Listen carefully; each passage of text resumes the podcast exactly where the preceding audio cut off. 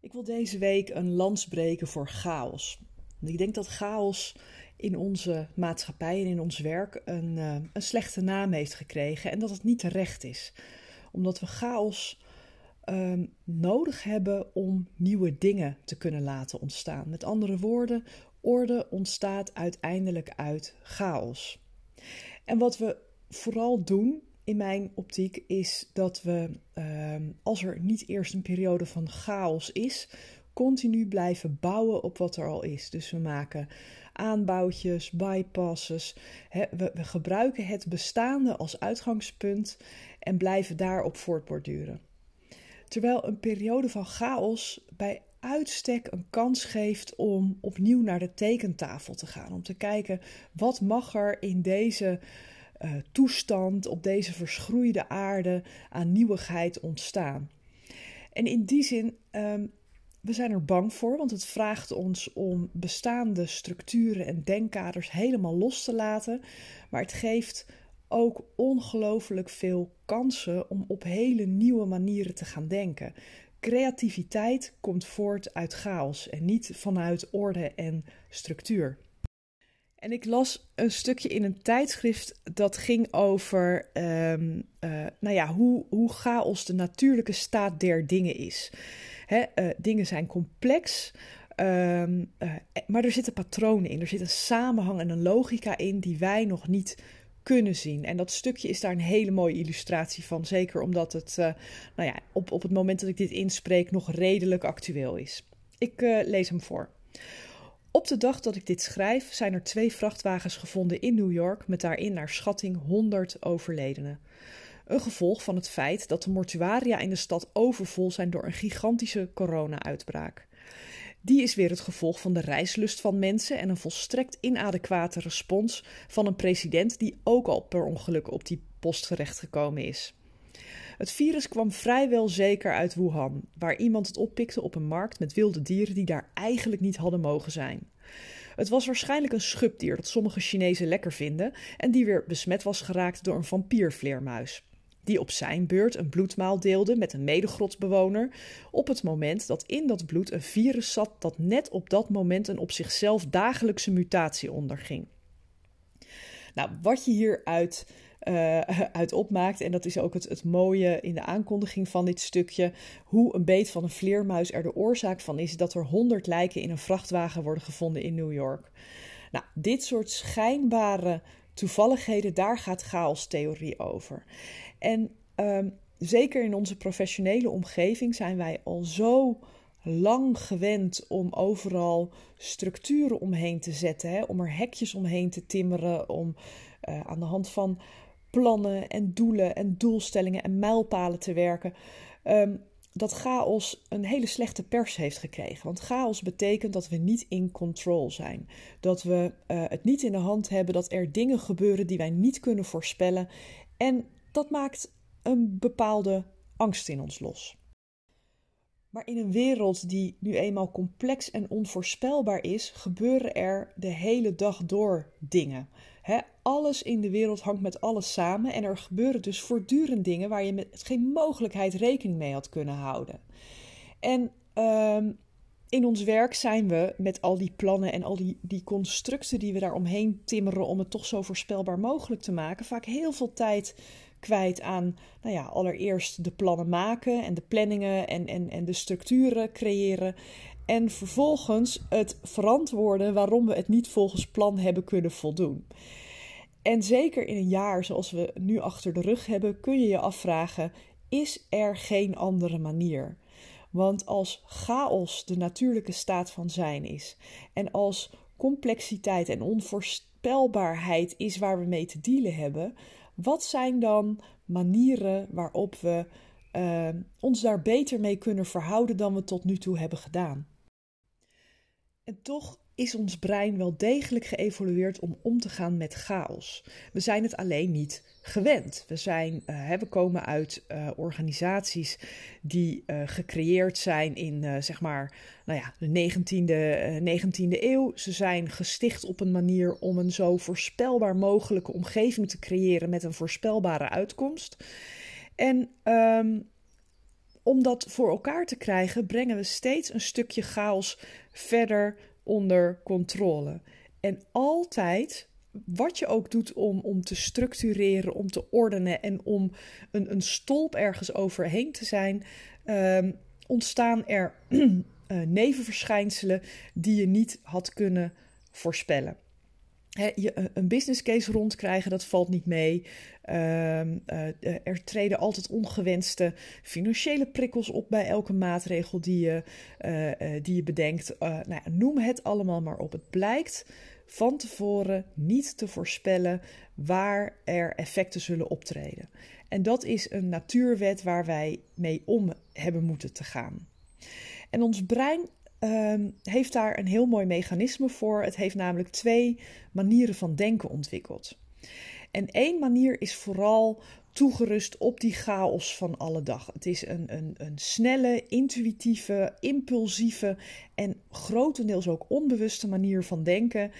Um, die meteen een verhaal ergens van spint. En dat gaat zo snel en zo onbewust dat we dat helemaal niet doorhebben. Er gebeurt iets, ons uh, brein maakt daar een verhaal van, ziet daar verbanden in, of die er nu zijn of niet. En dat is um, um, hoe we de wereld, de chaotische wereld, proberen te duiden. De andere manier van denken is veel langzamer, die is veel analytischer. het, het kan bewust beredeneren. Dat is dus de, de langzame manier van denken die op de achtergrond draait. Doen wij niks, dan reageren we vanuit de impuls, vanuit de intuïtie, vanuit de emotie op die snelle manier waarmee we omgaan met chaos. En het is ook goed dat we van nature dat, dat zwermgedrag uh, uh, vertonen. Dat dat onze eerste ingeving is. Want kijken we nog even terug naar de periode waar we uitkomen en waar we natuurlijk ook nog steeds in zitten. Um, nou, neem het voorbeeld, je gaat winkelen. Overal hangen posters over hoe we ons tot elkaar moeten verhouden. Hè. Houd afstand, loop met een bocht om elkaar heen, etc. Dat zijn regels. Die regels zijn overal terug te vinden. Ze komen uit dat rationele, analytische brein. We hebben ze opgehangen om met elkaar een manier te vinden om nou ja, het, het, het gevaar op verspreiding zo, zo klein mogelijk te houden. Wat je daar dan ook van mogen vinden. Maar beweeg je je door zo'n winkel, ja, dan, dan uh, kom je in aanraking met andere mensen die zich tegelijkertijd door die winkel bewegen. En zijn we continu aan het taxeren en aan het corrigeren hoe je elkaar zo min mogelijk in de weg loopt. En dat komt weer veel meer neer op, op, op ja, meer een, een, een zwermintelligentie. Hoe gaan we met elkaar om? Hoe lopen we om elkaar heen? Dus de chaotische situatie in zo'n winkel. Uh, ons brein heeft manieren waarop we continu inschatten van hoe gaan we in deze chaotische situatie met elkaar om. Wat je ook ziet gebeuren is zodra je heel doelgericht bezig bent en je moet even snel drie boodschappen hebben en het eten staat al op het vuur, dus je rent even snel de supermarkt binnen om die laatste missende ingrediënten die er snel bij moeten uh, op te pikken, dan wint dat doelgericht het al heel snel van dat zwermgedrag. Want dan ga je als een olifant door een porseleinkast op je doel af. Je streept jouw boodschappenlijstje af. En um, um, je, je houdt je niet meer aan ja, uh, dat, dat richten en kijken en aanpassen op wat er verder in dat chaotische systeem gebeurt. En ik leg hem nu even in de context van een winkel uit, maar natuurlijk hebben we gedurende onze, ons hele leven, de hele dag door, te maken met dit soort tegenstellingen. En in ons werk herken je dat ook wel. We hebben beleid, we hebben regels, die zijn met het rationele denken uitgedacht, opgeschreven, uitgewerkt. Um, maar gaan we die regels implementeren, gaan we ze gebruiken, dan doen we dat in een levende omgeving waarin we nu eenmaal te maken hebben met chaos. We hebben te maken met verschillende uh, temperamenten, mensen met eigen plannen en bewegingen. We kunnen niet voorspellen waar we elkaar tegenkomen binnen dat chaotische, complexe systeem. Maar ondanks dat dit altijd al zo is, hebben we toch veel meer macht toegekend aan regels, aan beleid, aan structuur, aan, aan planningen, mijlpalen, noem het allemaal maar op. En dat is al tientallen jaren aan de gang. Het is de manier waarop we ons georganiseerd hebben. Maar als het afgelopen jaar ons iets heeft geleerd, is het um, dat de werkelijkheid vaak heel veel dynamischer uh, of weerbarstiger, zo je wil, is dan wij met ons rationele hoofd kunnen bedenken. En ik weet niet hoe het bij jou is gegaan, maar de organisaties waar ik het afgelopen jaar mee samengewerkt heb, um, die hebben allemaal stuk voor stuk steeds opnieuw hun plannen kunnen herijken, afstemmen, herschrijven. En uh, zelfs binnen dat gegeven bleken er dingen op te treden ja, waar we gewoon geen rekening mee hadden gehouden. Dus um, er is een nieuw bewustzijn ontstaan. En ook al hè, is dit al sinds jaar en dag speelt dit mechanisme. We beginnen te zien dat chaos iets is waar we dagelijks mee te maken hebben. En wat we ook maar beter op zijn uh, merites kunnen gaan beoordelen. En vandaar dat ik er een lans voor wil breken. Want um, voor mij is chaos een. Um, daar, zit een, daar zit goud in verborgen. Um, chaos is de toestand die je nodig hebt om nieuwe dingen te kunnen laten ontstaan. Om de bestaande denkkaders los te laten en te werken met de informatie zoals die nu hier in deze situatie wil bovenkomen.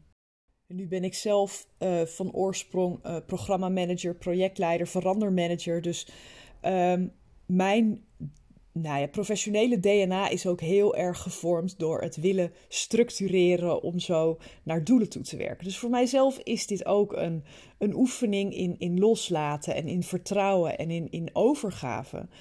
Um, en nou ja, goed, als je me al een tijdje volgt, dan weet je misschien dat ik over dit thema een, een boek aan het schrijven ben. En dat heeft er ook heel erg mee te maken dat ik mijn eigen, uh, mijn eigen leerproces daarin wil uh, ja, wil, wil vastleggen. Dus kijken van wat, wat gebeurt er nu als ik die chaos een, een grotere rol ga geven in het leven, ga accepteren dat die er is. Welke patronen willen daar dan uit ontstaan?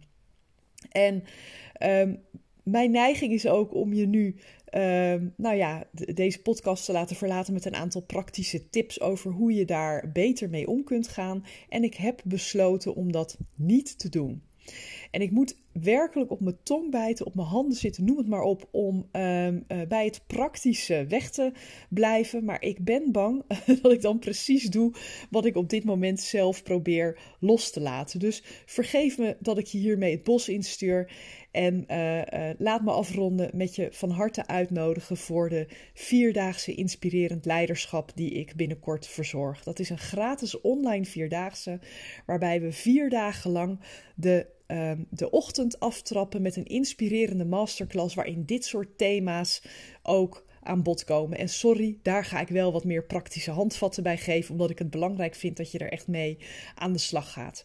Dus heb je zin in vier dagen gratis inspiratie als het gaat over nieuwe vormen van leiderschap en of je nu formeel leider bent of informeel leider, voor jou is het relevant. Um, Kom er dan bij. Je kunt je aanmelden via mijn uh, website, deimplementatiedokter.nl forward slash uh, vierdaagse streepje inspirerend streepje leiderschap. Ik zal ook de link in de show notes zetten, zodat je hem daar terug kan vinden. We starten op 31 mei om 9 uur in de ochtend. En elke keer zijn we in minder dan een uurtje helemaal klaar om je dag geïnspireerd te laten starten. Dus voel je uitgenodigd. Ik zou het geweldig vinden om je daar te zien. En anders tref ik je graag weer bij de volgende podcast.